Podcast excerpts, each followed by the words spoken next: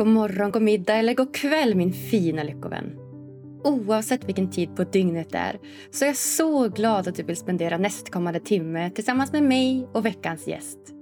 Mitt mål är att sprida så mycket kunskap och inspiration som möjligt om hur du kan påverka ditt eget liv för att bli så lycklig som möjligt. Som en tidigare poddgäst sa, om du lyssnar på Lyckopodden, ja då vill du garanterat dig själv väl. Och det gör mig väldigt, väldigt glad att du prioriterar ditt egna mående så högt. För du är den viktigaste personen i ditt eget liv. Innan vi går in på vem veckans gäst är så vill jag passa på att tipsa om en tidigare poddgästs wow-kurs som går av stapeln nu 20-22 maj i Stockholm. Det är fantastiska David J.P. Phillips som anordnar en helgslång kurs i modernt självledarskap. Han kallar kursen för Wow-kursen och där får du bland annat lära dig mer om biohacking.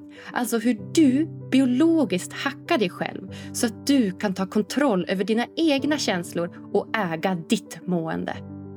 Ja, med verktygen i Wow-kursen kan du skapa ditt eget liv genom att förändra dina tanke och känslomönster.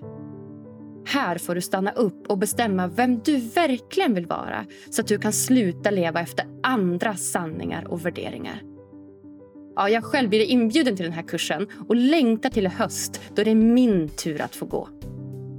Ja, om du är nyfiken på kursen så tycker jag att du ska lyssna in avsnitt 147 där du får lära känna David mer under en hel timme av Lyckopodden. Och gå sedan in på www.wowkursen.se för att anmäla dig. Och nu till veckans gäst. Vdn, grundaren och huvudägaren i Investment AB Spiltan, Per Håkan Börjesson, gästar Lyckopodden och avslöjar sina tre bästa lyckospartips. Ja, per Håkan är en svensk företagsledare, investerare och författare till bland annat bästsäljarna Så här kan alla svenskar bli miljonärer och Så här blir du miljonär i hängmattan. Vid ett flertal tillfällen har Börjesson stuckit ut hakan i media då han upprörs över finansbranschens agerande mot sina kunder. Med en sund inställning till pengar har Börjesson gått från aktieamatör till börsexpert. Idag har han tung och gedigen erfarenhet av bland annat kapitalförvaltning och gästar nu Lyckopodden för att lära dig mer om hur du kan bli miljonär i hängmattan. Han berättar om sina tre bästa spartips och varför pengar inte gör dig lycklig. Rätta till hörlurarna kära du. Här kommer ett riktigt dunderavsnitt. Varsågoda.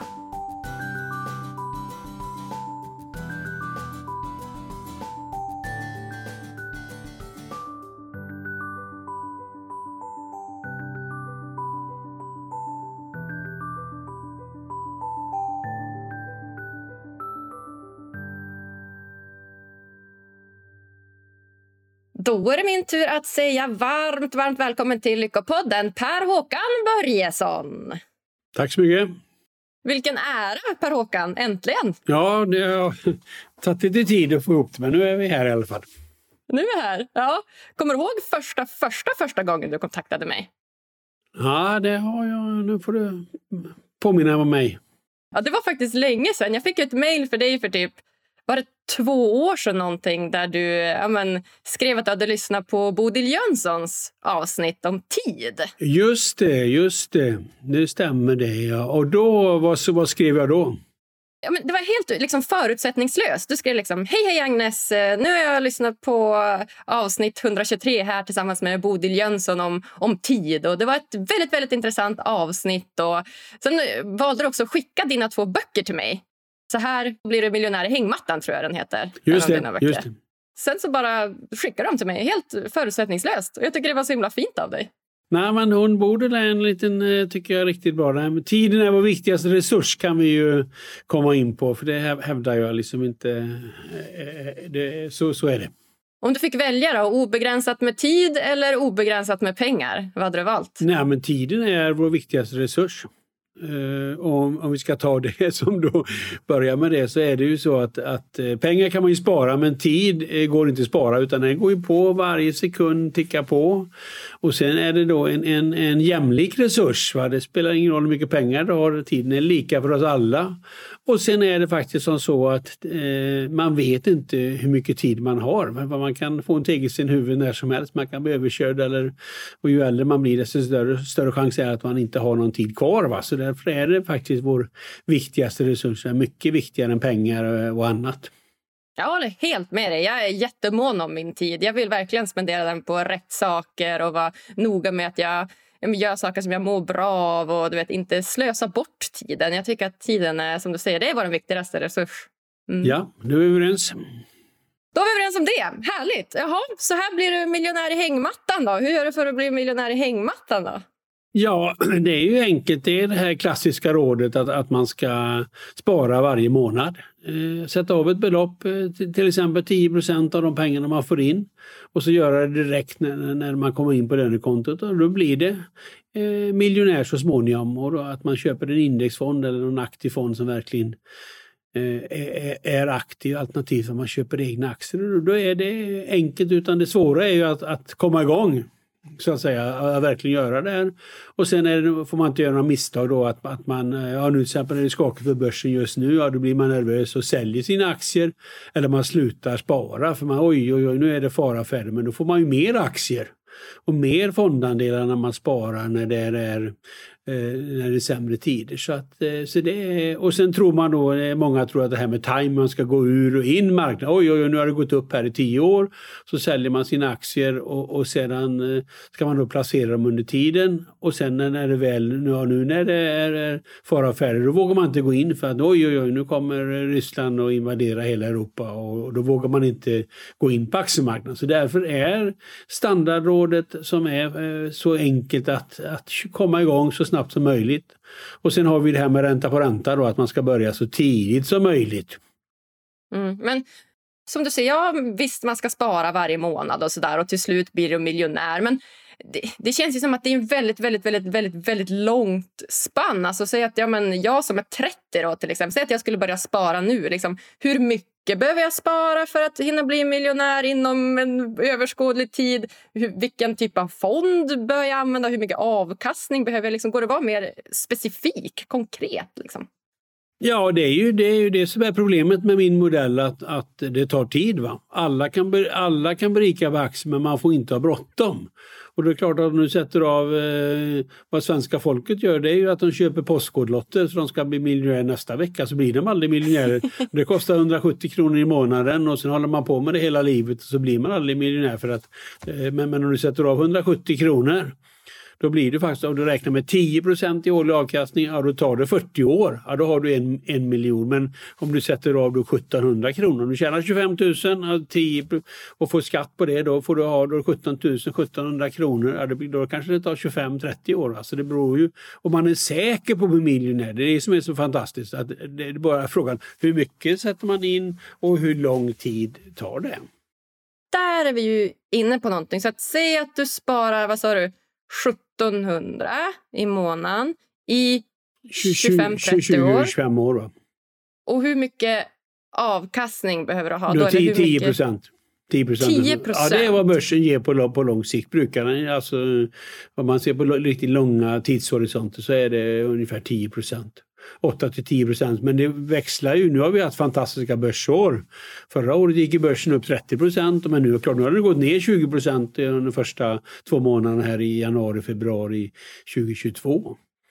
Eh, så det är, eh, det är... Eh, och sen är det viktigt också då att när, när man har kommit upp det är många som sparar. Du sparar ihop 10 000 eller du sparar ihop 100 000. Så köper du en ny bil eller, eller du åker till Thailand och så är du nere på noll igen. Eh, men om du kommer upp till en miljon, då har du ju 10, om du har 10 i avkastning, då har du ju 100 000 varje år. Just det, då, då, exakt. Blir du, då, då, det, det, då har du en, en automatisk eh, miljonärsbössa så att säga. Alltså, som, då får du 100 000 varje år som du kan spendera och, och, och, och eh, jobba med. Då. Just det. All right. Så jag som är 30 nu då, om jag sparar då, eh, säg 1700 i månaden 25 år, 10% avkastning. Då är jag då miljonär när jag är 55. 55. Ja, ungefär.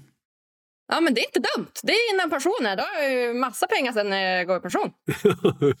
Just det. Och sen, men sen sparar du redan när du tar ut en lön. Och då sparar du i din, i din premiepension och du sparar i din... Så du har ju redan ett antal miljoner när du är 65 år och, och du har tjänstepension. Va? Så det, det är ju saker som du redan har. Men det här är ju lite extra för att få, eh, få guldkant på tillvaron eller göra någonting riktigt unikt. Va? Men om du kommer upp till en miljon, då har du ju 100 000 varje år som du kan åka på resor eller köpa någonting för. Va? Men det, men, ja, shit vad bra. Men det tar tid. Och sen, ska vi, och sen då att man inte slutar när det, när det går ner. Är du miljonär? Ja, jag har ju aktier i Spiltan, då, det här bolaget jag driver och, och som har gått fantastiskt bra. Va? Så att jag har ju, men jag har ju inte ändrat mina levnadsomkostnader som, är, som jag har ungefär samma, samma fru och samma lägenhet ungefär. Så att jag, det, det här med när man kommer upp till en viss nivå så är det, ja, det är inte det som är det viktigaste att säga. Jag har faktiskt också sparat, jag sparar också i Spiltan. Jag har ja, också aktier i Spiltan. Ja, så trevligt då. Ja, supertrevligt. Och det är också just för att ja, men jag fick de här böckerna av dig för två år sedan. Och då du vet när jag skulle gå in på Avanza och bara, men gud, jag kan ju inte det här. Så bara, då kände jag igen Spiltan. Jag bara, Spiltan! Nej men alltså Per-Håkan, han var trevlig. Vi kör, jag kör. Jag ja, kör så trevligt då. Ja, ja, okay. och det har ju gått fantastiskt bra de sista två åren här. Då ser, ser du väl om du sparar. Ja, så kul då. Ja, ja men det är superkul. Ha, ja, men som du säger, pengar det är ju alltid ett litet knepigt ämne. Pengar någonting som ger dig lycka eller inte? Och hur mycket pengar bör du ha för att bli lycklig? Och är det pengar som verkligen är det som påverkar lyckan? Vad, vad säger du Per-Håkan? Ja, det, det, krävs ju en viss miniminivå. Om man inte har några pengar alls, va, då, då är det inte kul. Va? Men, men eh, när man kommer upp till en viss nivå, det, det finns en här lyckoforskning som visar det. Alltså om du har en lön på 300 000 någonstans eh, i, om året, eh, liksom tjänar 25-30 000, då blir marginalnyttan av mer pengar eh, inte, inte så viktigt. Va? Och det minskar ju, ju, mer, eh, ju mer du får så att säga. Utan, eh, utan jag tror det är Freud som sa det att det är arbete och kärlek som man ska ha. Alltså, liksom, du lägger ju kanske åtta timmar på ditt arbete så det är viktigt att det är kul så du lägger tid på det. Och kärlek att du har familj och vänner och bekanta och, och, och, och folk du kan umgås med. Det är eh, det som gör dig lycklig. Och sen då det här med prylar och liksom har man mer pengar då ska man köpa mer grejer. Men det, liksom, det blir inte, det är alltid någon som om du köper en fin klocka, det är alltid någon som har en finare klocka än dig. Eller om du köper ett sommarhus, det är någon som har fi, ännu finare sommarhus. Du, du bör, man ska inte jämföra sig med andra utan, man, utan då ska, tycker jag man ska satsa på upplevelser till exempel ut och resa med familjen. Det är klart, nu har man ju suttit hemma här under pandemin och då har jag ju tänkt på alla fina resor jag haft med mina familjer och, och så vidare och tänkt på det. Ja, då är det ett minne du har för livet. Men den här klockan jag köpte för tre år sedan, den, den, liksom, den är inte så viktig. Va? Utan eh, så att eh, när jag håller föredrag, jag pratar mycket om pengar och sparande, då brukar jag alltid avsluta med det. Ja, du, det är inte kul att inte ha några pengar, man går till bankomaten och en vecka kvar tills nästa lön kommer, det är slut, man får leva på vatten och bröd. Ja, det är ju inte kul utan då ska man ju alltid ha en sparad slant. Jag kan göra det eller jag kan göra det men, men jag väntar. Det är alltid en avvägning, ska jag eh, göra nu eller inte göra nu, göra en specifik sak. Utan då, då, då, tycker jag, men sen om man får riktigt mycket pengar, ja, då, blir det ju, då får man ju problem. Hur ska man, ska man skänka bort dem? Eh, barnen börjar bråka, bråka om det här. Va? Och det finns ju ett antal exempel på riktigt förmögna. Så man, man tror ju då att det ska barn och andra ska vara glada för att de får pengar men det blir snarare tvärtom och det blir bråk och tjafs och, och gnäll. Utan, utan jag brukar alltid avsluta min, mina, med, skämta lite grann och säga ja, man är som lyckligast att man, har, man ska ha lite mer pengar än sina grannar. Då, då, då, då, då mår man som bäst så att säga. Så att, och det är alltid relativt var man bor då givetvis men, men, men ja. det, det, det är min modell. Varför ska man ha med sina grannar då? För att man ska kunna jämföra sig då? Eller ja, ja, det är lite grann att, att man är, då mår man lite, det är alltid relativt. Va? Om det, det, det är så, va? man ska ha lite mer pengar än andra, man umgås med, då blir man, då mår man lite bättre i och med att man håller på att jämföra sig. Ja, okej, okay. ja, jag hör det, jag hör det.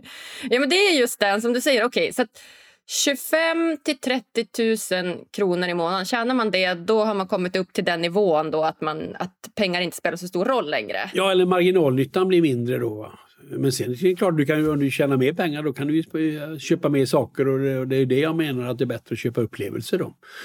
Du är ute och reser, men det är klart att det är många som, eh, för många andra, ja det är lite grann vad du har för intressen Vissa, vissa vill ju ha fina bilar och, och fina hus och allting, men, men det är klart att det är en, en avvägning. Ja, men säg då att du tjänar 25-30 000 och sen så lägger du av 10 då av din lön som ett typ av sparande. Och så vill du dels spara då 1500 eller 1700 i månaden i 30 år med 10% avkastning så du blir miljonär när du är 55. Men sen vill du också resa.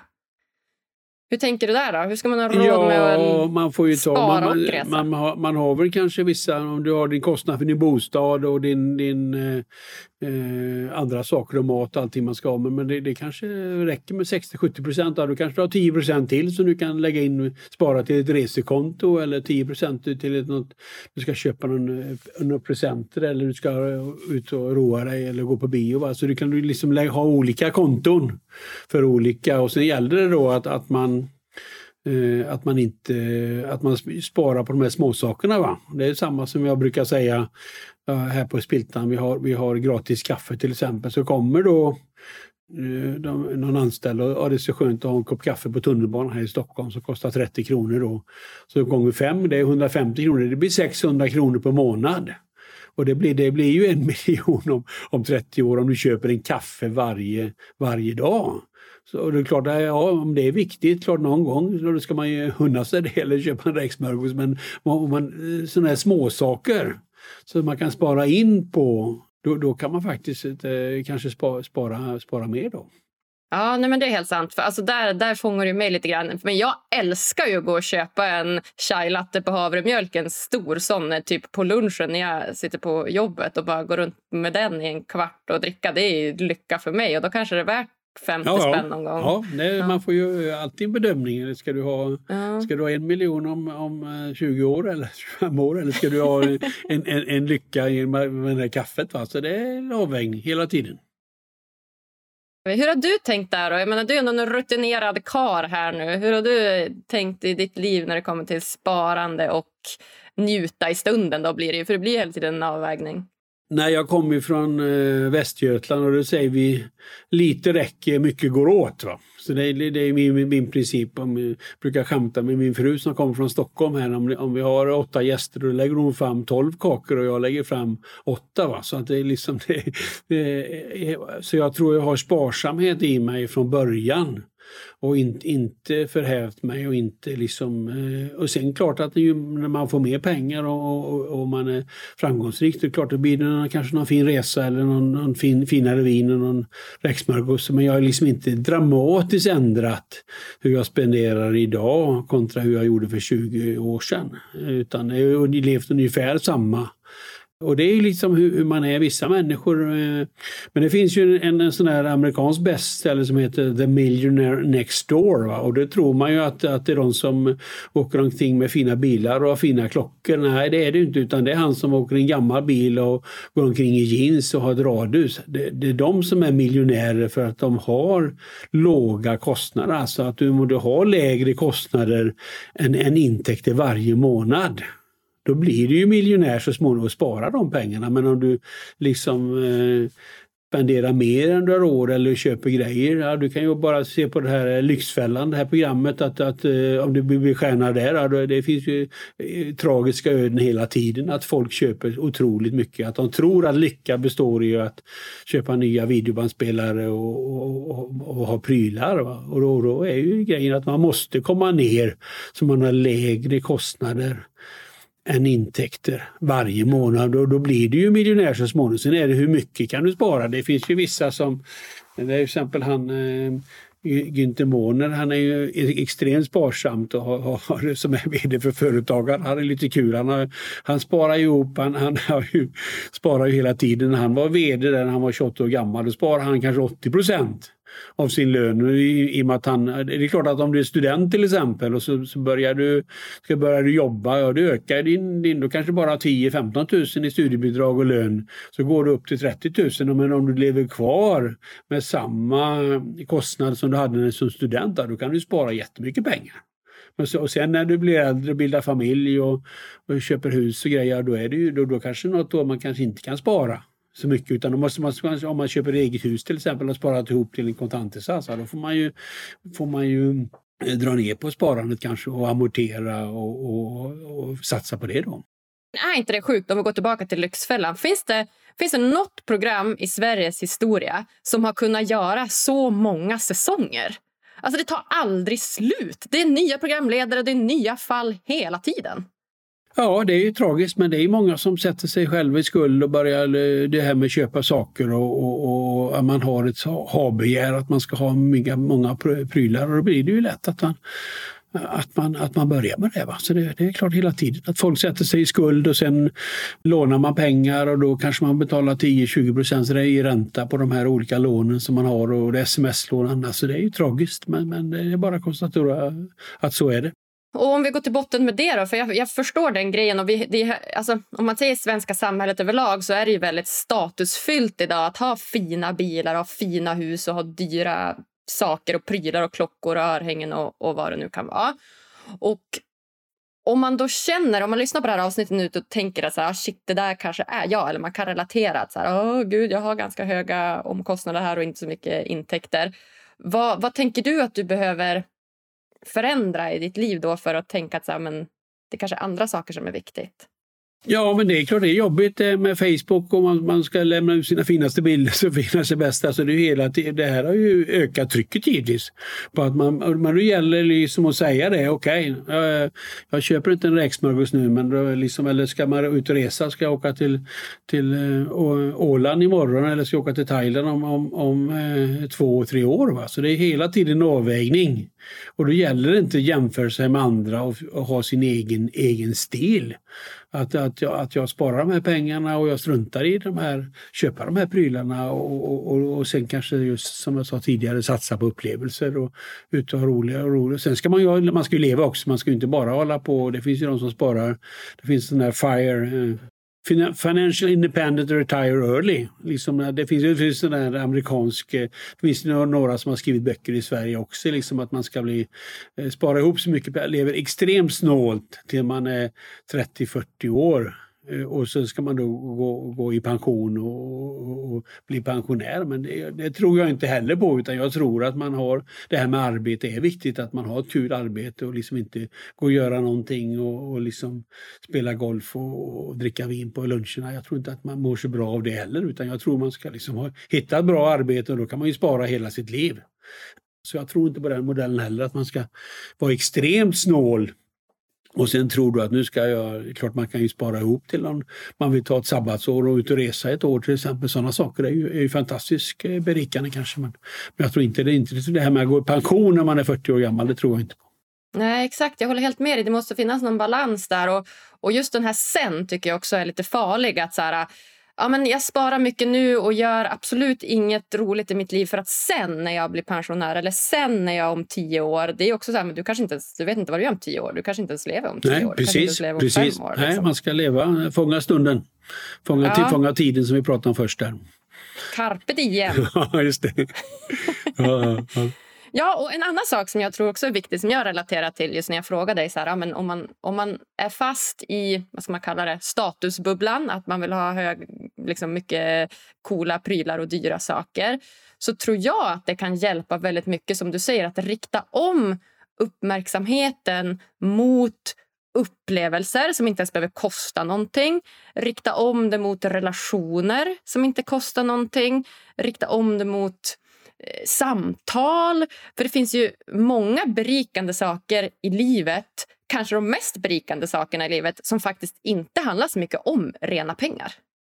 Nej precis, jag brukar ju säga det här med, med pension, alltså man, går, man sparar till sin pension så att säga. Och det är klart, det finns ju inget rätt och fel. Va? Liksom, ja, jag har ju nått pensionsåldern men jag, jag jobbar ju på och får lön så jag behöver ju inte ha någon pension egentligen. För jag, är min plan, så vet man inte hur man åldras och man blir gaggig. Va? Men det är min plan men det finns ju inget rätt och fel. Men om du ska ut och resa och spela golf, det har jag ju några som jag känner som, som de lägger ju de lägger ut hur mycket pengar som helst. Va? Men om du istället eh, är ute och tältar och plockar svamp med dina barnbar i, i skogen, ja, då, då, behöver du inte, ja, du, du behöver inte ha några nya prylar, du behöver, behöver inte åka kommunalt, du behöver inte några luncher ute. Ja, då går du faktiskt åt mycket mindre pengar eh, som, som eh, pensionär. Och, och, och, men det är ju helt olika vad, vad vill du ha för, för liv så att säga som pensionär. Och det, och det, är, är, det måste, vet man kanske inte för man är 50-55 år kan man börja fundera på det.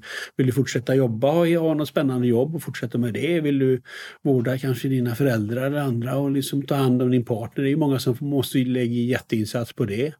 Eller gå ut med hunden. Eller, ja, det finns massor med saker. Man, man måste ha ett syfte även om man är pensionär så att säga. Så att man inte bara går, går ner sig. För jag tror att man, det är också lite farligt för att man inte tappar tempot och, och går ner går ner sig så att säga. In, in, in, mår man inte bra av heller då. Att det blir för stor omställning. Nej, men verkligen. Det har jag tänkt på många gånger. att att den liksom livsförändringen, att gå från att ha arbetat i 25-30 år heltid till att bara plötsligt en dag poff gå i pension och, och, och sluta jobba och liksom inte göra nåt. Den omställningen kan jag tänka mig är väldigt utmanande. Och som du säger, vi alla människor vill ju ha ett syfte, en, en mening med livet. Och, att, liksom, och jobbet är ofta det för många. Så att, att tappa den, det, det, förstår jag leder in till många existentiella frågor. Liksom.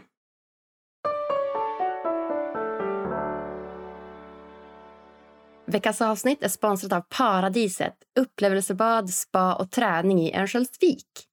Mysiga Örnsköldsvik, ja, eller Övik som det kallas till vardags. Det är en liten gullig och bergsbenägen stad som ligger ungefär en timme söder om Umeå. Hit tar du det lätt med tåg från Umeå eller med bara en timmes flyg från Stockholm om du bor där. Och jag och min fina, fina vän Saga vi hade turen att få upptäcka paradisets spa tillsammans förra helgen. Och om vi blev överraskade! Vilket ställe! Så mycket nya spa-upplevelser som ingen av oss någonsin hade varit med om förut. En sån upplevelse var definitivt Saltgrottan. Har ni någonsin upplevt en saltgrotta förut? Saltgrottan det var alltså en grund pool med salterat vatten vilket gör det möjligt att uppleva total viktlöshet. Ja, att flytta runt där i vattnet med stängda ögon det stängde av mina sinnen på ett sätt som gjorde det mycket enklare att koppla bort omvärlden för en stund och lämna plats till det fantastiska nuet till tiden och rummet som sker exakt, exakt just nu. Till njutningen, till kroppen, till upplevelsen. Det var så vackert. Men jag måste erkänna att vi hade rätt svårt för att flyta till en början. Ja, eller Saga, hon flöt helt fläckfritt. Men inte jag. Men då kom vi på att så fort man sträcker upp armarna över huvudet, ja, då flyter det hur lätt som helst av någon konstig anledning. Så prova det om ni inte redan gjort det. Tack snälla personalen på Paradiset för att ni gjorde det här möjligt för oss.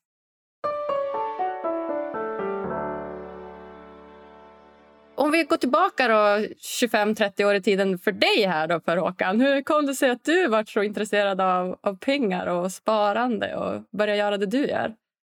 Ja, jag har ju levt, eh, min, min far var ju företagare så jag hade väl lite grann eh, i, i blodet så att säga. Men sen de första, tills jag var 42 år gammal och då var jag ju liksom, eh, ja, jag har ju läst ekonomi både i Sverige och USA så då, klart jag köpte lite aktier och var lite intresserad men ingen sådär. Då hade jag ju ett annat jobb och, och hade fokus på det. Men, då, men sen startade den här aktieklubben Spiltan då när jag flyttade hem från USA när jag var drygt 30 år gammal och sen då 1996 där, då läste jag en, den här boken om första riktigt bra, bra biografin om Warren Buffett som är världens bästa aktieplacerare. Och när jag läste den här boken, det är ju så här man ska göra. Man ska köpa, behålla, man ska vara långsiktig eh, och, och, och, inte ha så mycket transaktioner och, och köpa och, behålla. Det var liksom, och, och sen dess har jag försökt följa de där principerna.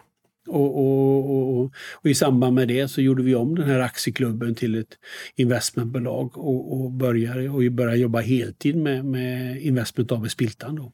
Så det, det var ju liksom hur, hur jag startade. Och då en annan fördel jag hade kanske när man jobbar i en bransch man blir påverkad om man gör som alla andra. Men jag har ju liksom inte jobbat i finansbranschen på samma sätt utan jag har ju läst till mig. Eh, om man åker till USA eller England så finns det hyllmeter med privatekonomisk litteratur som jag köpte när jag var ute och reste och, och lärde mig, läste på. Så det är klart att jag hade läst om, om Buffett och då var ju den filosofin att försöka hitta liknande böcker eh, som, som, eh, som beskriver på samma sätt. Och på det sättet skapar jag en kunskap om, om sparande och, och som jag då eh, använder när jag motiverar mina vänner, bekanta och släktingar till att satsa på mig och, och Spiltan då 1997 när vi körde igång, när jag började jobba heltid. Så, och sen blev jag intresserad och sen blev det ju då en, en hemsida för jag skulle liksom, de här jag har lärt mig och som har skrivit och sen då blev den här boken då, första boken 2008 som kom, så här kan alla svenskar bli miljonärer som var lite kaxigt då för då var det ju kris. Och då blev det, hade jag dels samarbete med Aktiespararna så då kom det många ut där. Och sen blev det så många som, som köpte den första versionen så att då kom ju Molnpocket och Bonniers och ville ha den som pocketupplaga. Så det, det blev att det blev en, en jättesuccé. Och, och det är många som har, har, har läst. Och det, och det, är ju nästan det. Eh, sen har det gått bra med Spiltan och sen har vi startat Spiltan Fonder och som har fondverksamhet. Och så det är klart att det är, är många då som... Och sen har det varit bra börsår sedan 2008 så jag får ju nästan varje vecka någon som, som säger att jag börjar spara Eh, jag läste din bok 2008-2009 och nu är jag faktiskt miljonär. Va? Och det är ju, det är ju fantastiskt eh, glädjande och, och, och, då har man ju skapat, eh, ja, då, då, har man ju skapat lycka för många människor att, att, att det går att göra. Sen har det kanske gått en, mycket snabbt då i och med att det varit så bra börsår sedan 2009. Det var ju liksom en botten då i och med att det gick ner kraftigt då. Så det är, är, ju, är ju jätteskoj. Ja, gud vad kul att höra. Och då kanske det inte behöver vara så pengarna i sig som gör en lycklig utan för att man faktiskt har lyckats med någonting. Alltså man har uppnått någonting som ger mycket lycka Ja, också. och just man når den här nivån, eh, kanske en miljon och så, då blir det ju, om det börsen stiger med 10 procent, då är det ju 100 000 varje, varje år som man får som man kan spendera på annat. Då har man en sån här penningmaskin. Ja. Det är inte dumt. Det är inte dumt. Men om vi, går, om vi backar bandet ännu lite mer. För Nu pratar du om att du började plugga ekonomi och du började plugga både i Sverige och USA. Och då någonstans så förstår jag att det redan fanns ett intresse för pengar. Men om vi backar liksom ännu, ännu mer. När, när förstod du att så här, oh, gud vad jag vill ägna mitt liv åt eh, investeringar och pengar och sparande?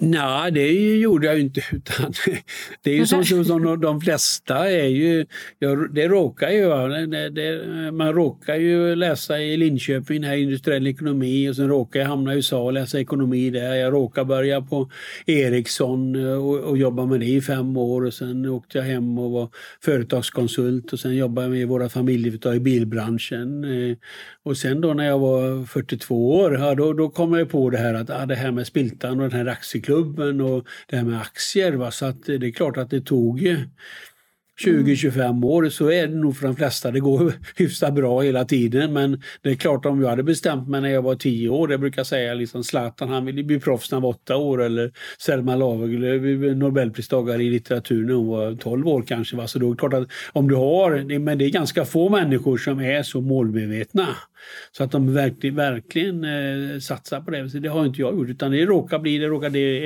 ena eller andra och sen varje sak har ju lärt mig någonting. Att vara konsult eller jobba på Ericsson och jobba med PR till exempel som jag använder nu. Så varje sak har, har ju på något sätt lärt mig någonting men jag hade inte den där nu ska jag jobba med ekonomi eller jobba med aktier. Det hade jag inte förrän jag läste den där boken när jag var 42 gammal och därför kan jag ju aldrig bli typ eh, Buffett om du ser på honom. Han bestämde sig när han var 10 år gammal. Oj, det här med ränta på ränta och ett litet brott kan bli stort och jag ska bli miljonär innan jag är 30 år. Det är klart att då började han ju när, när han var 18-20 år. Och då har han ju, och i och med det här med ränta på ränta, det är att varje, ett litet belopp kan bli ett stort belopp med långa spartider. Så han har ju då börjat ju när han var 20 år. Men de 20 åren som jag tappade, för att jag började, för kommer får jag ju aldrig tillbaks. Va? Eh, och, och, och sen blir det fantastisk effekt. Men han är ju liksom en av de rikaste i hela världen. Men, men, men, men 95 procent av hans förmögenhet eh, har han ju eh, fått ihop efter han fyllde 60 år. Va? Nu är han ju 90 då. Va? Så då men, men då hade han mycket pengar redan när han var 60 år. Och då fortsatte. Då gick han inte han och sålde alla sina aktier och köpte räntebärare, ränteplacerare, satte in dem på bank. Utan han fortsatte ju placera pengar. Och det, och det vi, vi visar det här med ränta på ränta som är, eh, sa ju Einstein att det är världens åttonde underverk. Att även ett litet belopp blir ett stort belopp med långa spartider. Och det innebär att man måste titta på varje procent du har i kostnad eller du har i, kan få ökad avkastning. Mm, mm. Ja, spännande. För där är min fråga så här, ja, men som du säger, han är ju han är en av de rikaste i världen. Men är han en av de lyckligaste i världen? Ja, det får man ju fråga honom då. Men han, han har ju då, eh, han fick ju frågan när han var 60 år, då är du så rik, varför skänker du inte bort dina pengar? Och då säger, sa han, ja, jag tror att jag förvaltar dem bättre själv. Alltså nu då för 10-15 år sedan så gjorde han ju sån här jätte, världens största gåva då, med, med, med, gav sina en stor del. Han skänker ju sina pengar nu till bilden Bill och Melinda Gates stiftelse. Så då, det, det, det är så han skapat och sen klart han har ju någon stiftelse till sina barn barn också. Så att han, det är så han, han ser på sina, sina pengar och jag skulle tro att han håller ju på att jobba fortfarande även om han är då 91 år gammal. Så att han, det är det roligaste han vet att hålla på med. Men, Men sen har han ju då klart Eh, man ser tillbaka, han har försakat, det är ju sin, sin familj kanske då. Va? Han har ju varit extremt fokuserad och läst årsredovisningar, kom hem på kvällarna och inte varit med sina barn och så vidare. Så det är ju en avvägning. Men han har nog, eh, kanske han har dåligt samvete precis som min far som var, var en företagare. Han kanske när han blev riktigt gammal och insåg insåg han kanske han skulle lagt ner tid med, med oss barn. Det fick ju mamma sköta då, som var hemmafru. Så det är alltid en, en avvägning att man ska ha får inte vara för dedikerade för mycket arbetsnarkoman då. Och Det är det där jag är lite rädd för idag. Alltså att man just vill jobba, jobba, jobba, tjäna pengar, tjäna pengar, tjäna pengar. Och sen då när man väl lägger det på dödsbädden så bara oj, men hoppsan, jag glömde ju bort det viktigaste i livet. Relationer, familj, upplevelser, närhet. Alltså att man verkligen inte får glömma bort det. Så här, Ja, det är klart att man alltid behöver pengar för att överleva. Men som du säger, hur mycket pengar behöver du egentligen? Och hur vill du prioritera din tid då, som faktiskt är vår viktigaste resurs där? Mm, ja, det är, en, det är en avvägning och det gäller väl att ha, ha, en... Man ska inte bara arbeta, man ska liksom eh, vara med familjen och, och, och, och, tänka på det också. Sen blir det, sen är det alltid svårt om man har något kul jobb och man är dedikerad. Då är det klart att eh, är det alltid en prioritet. Så att jag har väl försökt vara, tycker jag, hyfsat bra. Men det är möjligt att jag, min, min hustru har ju tagit mycket mer. Jag har ju tre, tre, tre barn, har ju tagit mycket mer tid med dem och, och, än, än, än jag har gjort givetvis.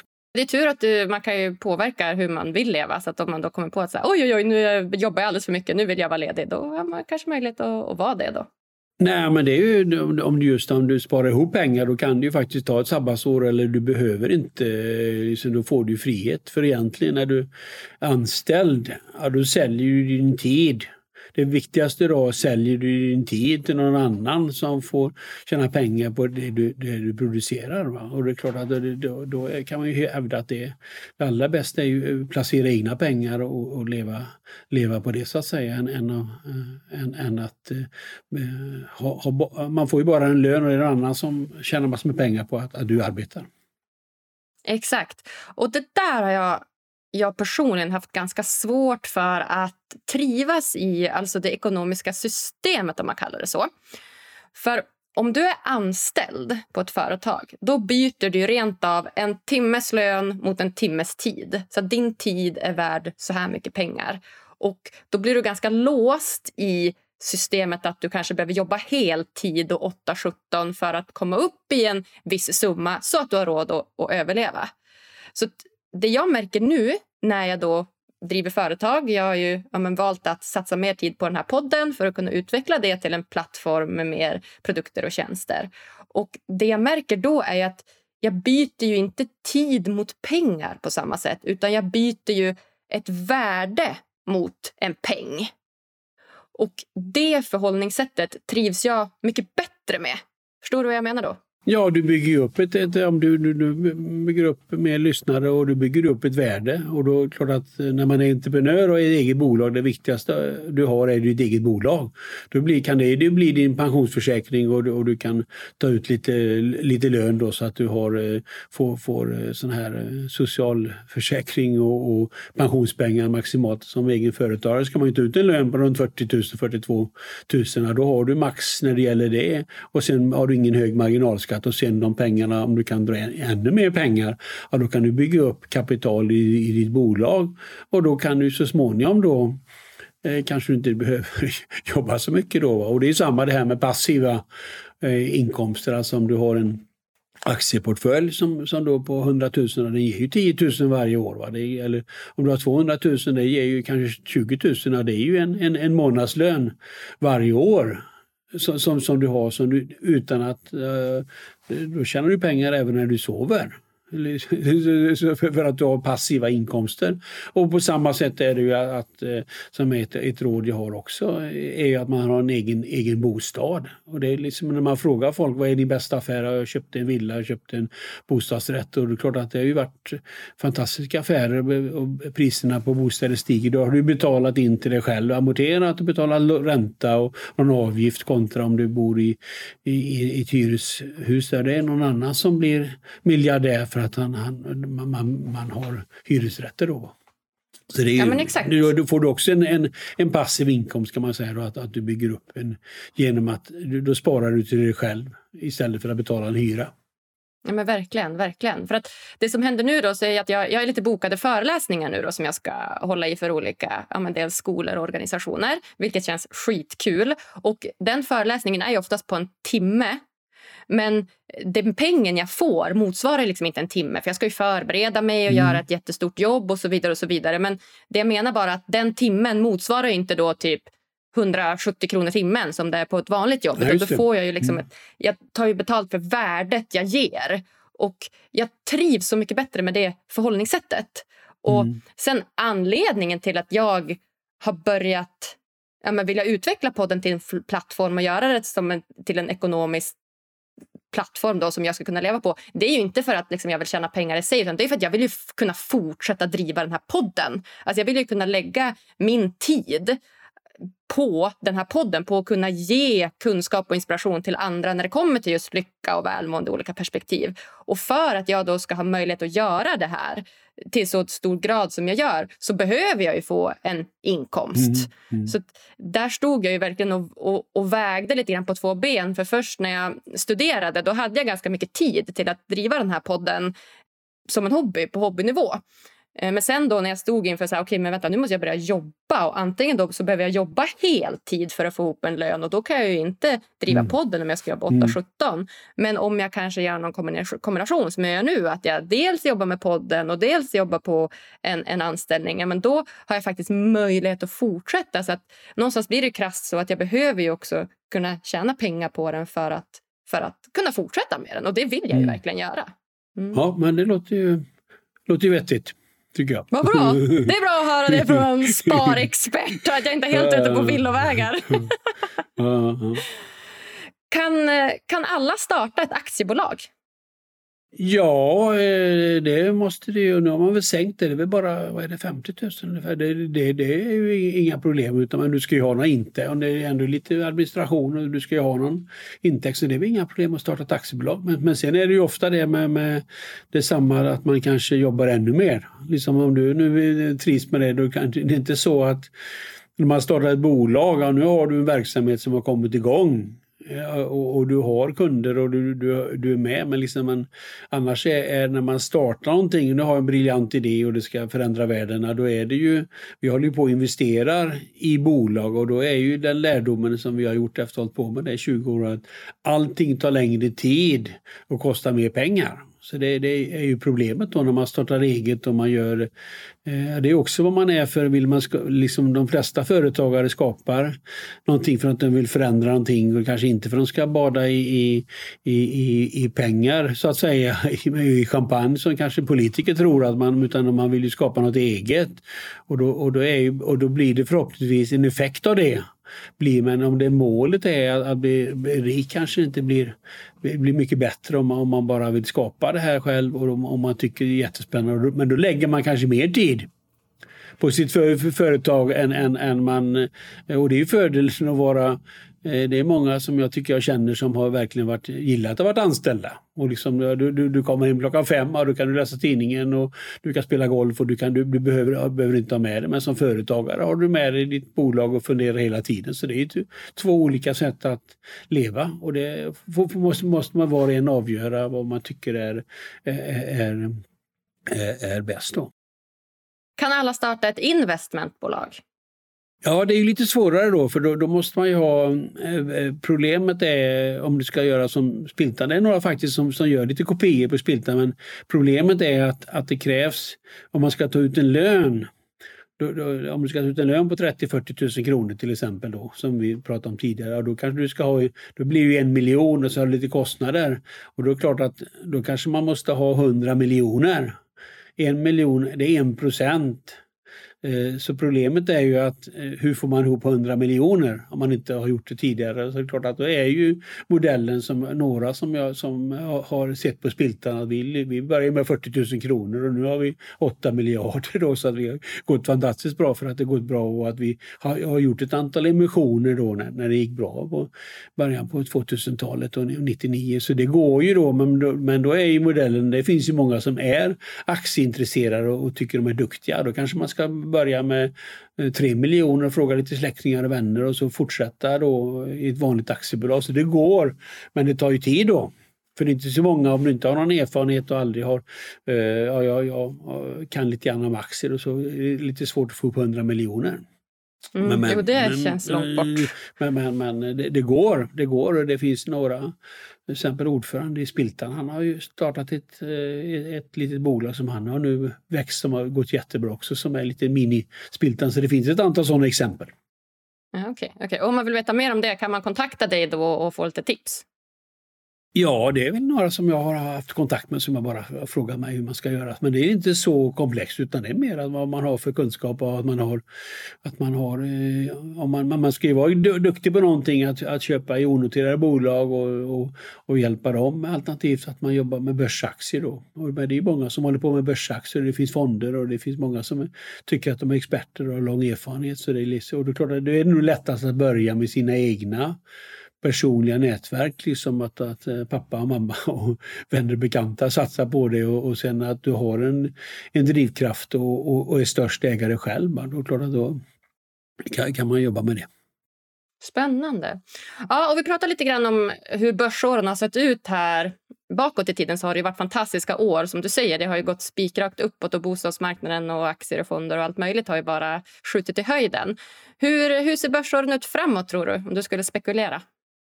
Nej, jag tror att på lång sikt, jag brukar, brukar skämta lite och säga att börsen kommer att gå upp ner lika. Och jag får ju alltid rätt då för att antingen går det ner eller så går det upp. Eller, eller lika. Så att det, jag får alltid rätt. Och liksom klart just nu då, ja, då är vi i en situation där det gick fantastiskt bra 2021 som ingen kunde drömma om. Börsen gick upp 30 och fonderna, vissa fonder har gått upp 40-50 procent. Så det har varit ett fantastiskt börsår. Det var liksom hås där i slutet på i, i, i december. Då. Men sen har det kommit nu med, med oro för inflation, det har kommit oro för Ukraina och kriserna där och sen har börsen gått ner kanske 20 procent här då under, under två månader. Då blir ju alla, alla nervösa. Men, men på lång sikt så är du en vinnare om, om du är eh, på börsen och då måste man ju då, som vi sa tidigare, att du sparar varje månad och du får in, eh, när du får in pengar då får du ju mer aktier nu då i, i, i februari än du fick i december när det var högt värderat. Och det är bara att fortsätta och tro på. Men sen vad, vad är, ja, hur, hur, lång tid tar det innan det kom, marknaden kommer att komma tillbaka? Så då var det liksom eh, i, i, i mars Eh, 2020 när pandemin kom, då rasade det också med 30 procent. Men det var, tog ju bara 3-4 månader var det tillbaks. Men eh, när det kom kris i början på 90-talet, den här fastighetskrisen, när jag var, var jag med också, var egen företagare då, tog det 3-4 år in, innan det, det kom tillbaks. Va? Så att det, och samma 2008 var det, var det ju nedgång också. Eh, som var kraftig under 2008. Men sen 2009, ja, då gick börsen upp 50 procent igen. Va? Men, eh, så att det är, men, men eh, bara man är långsiktig och inte har belånat på aktier så är, behöver man inte sälja då. Utan då gäller det bara att satsa, satsa mer. Så jag tror ju att det är ingen som vet. Va? Det, man, man lägger ju, nu, nu läser du nu, varje sida är det ju vad kommer hända i Ryssland och inflation. Det är liksom varje, men liksom det, det, man kan, det, är, ingen, det är många som har synpunkter, så många som är kunniga om, om framtiden givetvis. Men, men, men de vet inte säkert. Och det är klart att eh, i, i, i, i januari 2020 då såg allting bra ut och det var bra världsekonomi. Det var ingen som var läste om, om, om, om pandemier och att det, att det skulle liksom förändra hela världen under två år. Och även om det fanns spanska sjukan under 1920-talet, det var ingen som pratade om det. Eller när tsunamin kom, det var ju liksom, eh, det var ingen som pratade, liksom, det var ju 2004. Eh, det var ingen som pratade om tsunami, jag hade aldrig hört ordet förut, men de som bodde på någon ö där i Söderhavet, de visste ju om att när det blir jordbävningar då kommer det, De har lärt sig av sina förfäder. Så det är klart att det finns en, en kunskap om vad, vad som kan hindra. Men framtiden är alltid osäker. Och, och, då måste man eh, ja, inse det. Så det då, då, klart att då är det ju lite grann eh, men, men, problemet är om du då tror är nervös och det kommer att gå åt fanders allting, om du sätter in pengar på banken, ja då har vi låga räntor, då får du ingen avkastning. Då får du noll eller en eller kanske i bästa fall 2 procent i avkastning. Och liksom, det är en sån här gammal regel, 74-regeln, alltså du, du delar din årliga avkastning med, med 74 med din årliga avkastning, så 2 procent, då tar du 30, eh, eller blir det 37 år. va? Men om du får 10% i avkastning, ja, då tar det ju sju år att dubbla dina pengar. Så, så, det, så det är, ju matematiken och då måste man ha aktier och aktieandelar. Men då är nackdelen med det att ja, ett enskilt år kan det gå ner 30-40 procent? Ja, nu har det gått ner 20 procent. Kanske går det fortsätter ner eller inte, det är det ingen som vet. Men då måste man ha och, och, och ta det där och om man är nervös för det, ja då ska man ju ha liksom en, en mix, kanske ha 70% aktier och 30% obligationer om man, om man är nervös för det. Eller om man blir äldre framförallt, då kanske man inte har råd att se sin portfölj gå ner eller sin pension, pension halveras. Då måste man ju också ha mindre risk. Men om man är i din ålder och liksom är, du, du, du är 35 år eh, tills du kanske, kanske inte ska gå i pension då och sen lever du ju 30 år till. Det är 65 år som du potentiellt innan du ska spendera dina pengar. Om du då missar 1 procent i, i, i årlig avkastning, ja det kanske är eh, 70-80 procent. Alltså 1 procent i avkastning kanske är 70-80 procent av ditt slutresultat. Så det är klart att om, om du då sparar och har pengarna på banken i 70 år, va? och det är samma om du sparar, man sparar till sina barn. Det är ju samma, då måste man också ta en risk. Liksom. Det är ju, man ska köpa sin första lägenhet om 30 år, då måste man ju ha aktier och, eh, eller aktiefonder för man ska få en bra avkastning. Så håll ut då. Alltså, gör inga förhastade liksom, beslut och ta, ut, ta inte ut dina pengar direkt när börsen går ner lite grann utan försök se det långsiktigt. Är det det du vill säga? Ja, mm. det är modellen. Vilka är dina tre bästa spartips till mig som är 30? Ja, det är ju det som vi sa förut, att, att spara eh, varje månad, så att säga månadsspara. Och då är det klart, antingen eh, köper man en indexfond eh, för då får man samma avkastning som börsen. Det är en, en, en modell. Och sen om man är lite kunnig, ja, då ska man ju välja en aktiv fond som verkligen är aktiv. Ja, det finns ju fondförvaltare som är duktiga och som har visat sig historiskt. Ja, då, får, kan, då betalar man mer avgift men om de har visat att de klarar av det här men så är problemet att det finns dolda indexfonder. De säger att de, de ska välja ut de värsta men de vågar inte. Eller framförallt stora förvaltningsorganisationer eh, gör inte det. Då ska man försöka undvika dem då. Alternativ... Vad rekommenderar du för indexfonder? Ja, det är ju, jag tror väl en svensk, jag tror ju på Sverige och, och svenska indexfonder. Då. Så som, eh, det finns ett antal sådana. Både med eh, äh, låga avgifter och, och investment AB Spiltan. Spiltan Fonder har ju en, en, en äh, aktiefond investmentbolag som köper svenska investmentbolag som har låg avgift som är en smart indexfond. Då. Och om man köper egna aktier, då är ju rekommendationen att man ska köpa, köpa svenska investmentbolag. Typ Investor, Industrivärden, Latour, Lundbergs kanske investment av Spiltan då, om man vill satsa på, satsa på mig. Då. Men, ja, exakt. Lite reklam. Ja, men just det. Så Spiltan det är alltså en investmentfond? Ja, Investment AB Spiltan är, är ju ett investmentbolag där man får, och vi äger 80 procent av Spiltan Fonder. Så, man fonder, så man, när man köper en fond, ja, då, är, då förvaltar eh, Spiltan Fonder aktierna åt dig. Och man får, när man köper en aktie, ja, då får man ju handlar en gång i, en gång i veckan där på, på något som heter NGM Pepmark. Så att det är lite två olika saker. Så att är, man blandar ihop det där. Som i, i investment AB Spiltarna, det är en aktie som man köper. Då måste man, när man ska få ta ut pengar måste man sälja det till någon annan. Men i en fond så, så förvaltar då till exempel Spiltan Fonder de här aktierna åt dig och sen när man vill ha ut pengarna då säger man till så tar det tre, fyra dagar så får man tillbaka pengarna då. Så ditt första bästa spartips det är spara varje månad, gärna i en indexfond. Andra bästa spartips då, till mig som 30 år? Ja, det är om, om man har lite mer pengar att, att köpa eh, eh, svenska investmentbolag då. Och, och, och sen då ha lägre kostnader och intäkter eh, varje månad. Låga kostnader slash intäkter. Jag skriver upp här så att jag kommer ihåg det här till framtiden. För det är någonting som jag är, är rädd för generellt. Det är de här höga månadskostnaderna. Alltså jag avskyr såna här äh, saker man ska betala varje månad. Du vet, avbetalningar eller leasingbilar varje månad. Eller inte vet jag, nu har jag mobilabonnemang. Det är svårt att komma ifrån. Men allt det som du behöver betala varje månad, det, är så här, det, det gör typ inte jag. Alltså då betalar jag hellre 10 000 direkt än att behöva ha något varje månad. Jag tycker den den är så tung för ekonomin att ha så mycket utgifter. Ja, det gäller att eh, fundera på det. Vad är det man verkligen... Klart, en mobiltelefon måste väl alla ha. Om man vill ha bil så kostar det en månadskostnad. Eller, men det är till exempel eh, nu, nu, nu är det bra att ha sådana här satskort till exempel. Det är ju bara autogiro, 300-400 eh, kronor. Men ja, då, då gör inte jag utan jag är ute och går på morgonen istället och har lite gymnastik när jag kommer hem. Jag har gubbar på, på stan här. Va? Så, att, så då sparar jag ju 300-400 kronor varje månad. Och, och många som, som började där i januari så nu är, är de aldrig där. Va? Ja, det är ju en, en kostnad du, du, du, kan ta bort då. Men det är klart att annars om du verkligen utnyttjar det och, och det är viktigt för din hälsa så det är ju också en bra viktig utgift man ska hålla hålla sig i form. Alltså det, men det är en avvägning. Men det är många som har en sån där avgifter som man inte, som man inte utnyttjar. dem.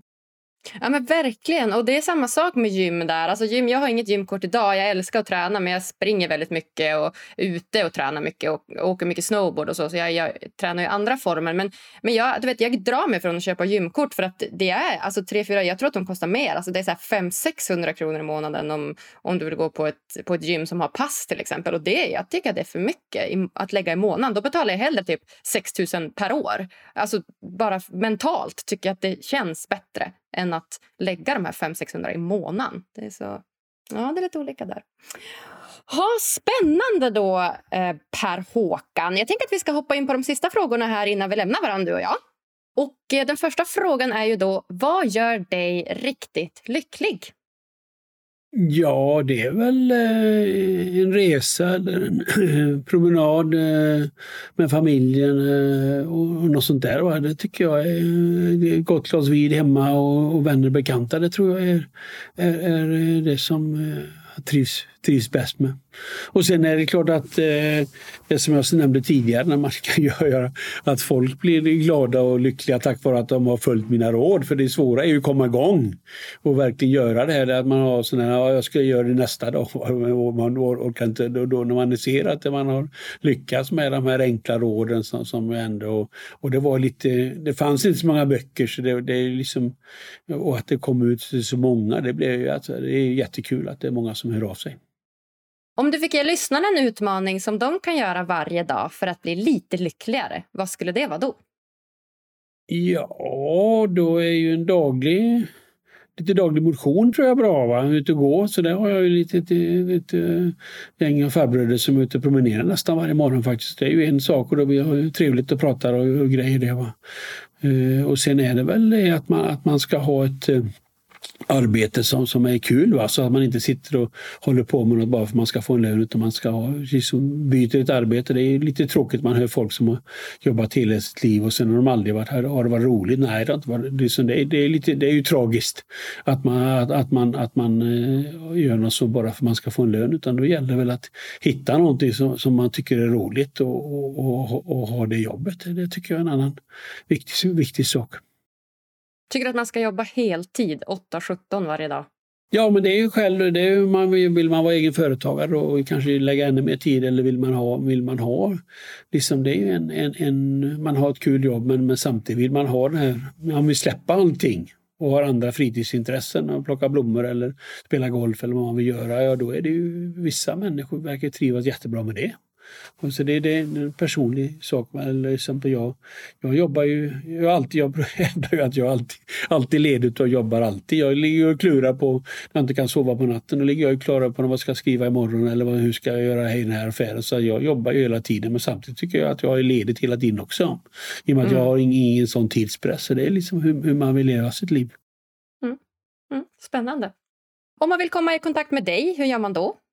Ja, man kan väl. Jag har ju sådana här Twitterkonto som jag försöker vara lite aktiv och ge lite tips och hänvisningar och eh, ett spiltan där på, på Twitter. Och sen har jag ju med mejl om det är någon specifik fråga brukar jag väl svara på det. phb.spiltan.se det brukar jag väl om det är någon specifik fråga. Men, och det är ju fördelen med mejl att svårt alltid med telefonsamtal att man med mejl kan man ju, även om det kan ta lite tid ibland, eh, svara så brukar jag väl vara, svara på det också. Är det något slutligen som du vill dela med dig av till lyssnarna här som du inte har fått säga än? Nej, inte vad jag kommer på. Jag tycker vi har haft ett trevligt samtal. Och spännande det här med, med lycka och att tiden är vår viktigaste resurs och man behöver inte ha det här med som vi sa från början, det här med att, eh, att eh, ja, man pratar mycket om pengar men det egentligen är det ju andra saker eller kärlek och, och arbete som gör att man, är, man mår bra så att säga. Så det blir lite för mycket.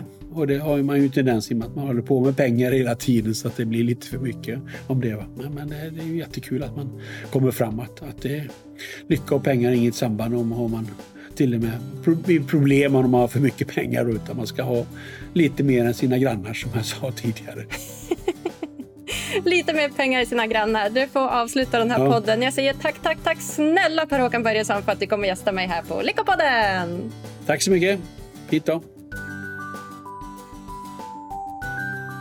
Åh, vad härligt med en ekonominörd som förstår att pengar gör dig inte lycklig.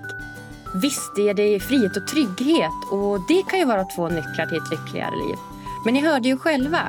Tjänar du mer än 25-30 000 i månaden så gör inte det så stor skillnad på din lyckonivå. Så satsa på upplevelser, relationer och ett spännande yrke istället. Det gör dig minst lika lycklig.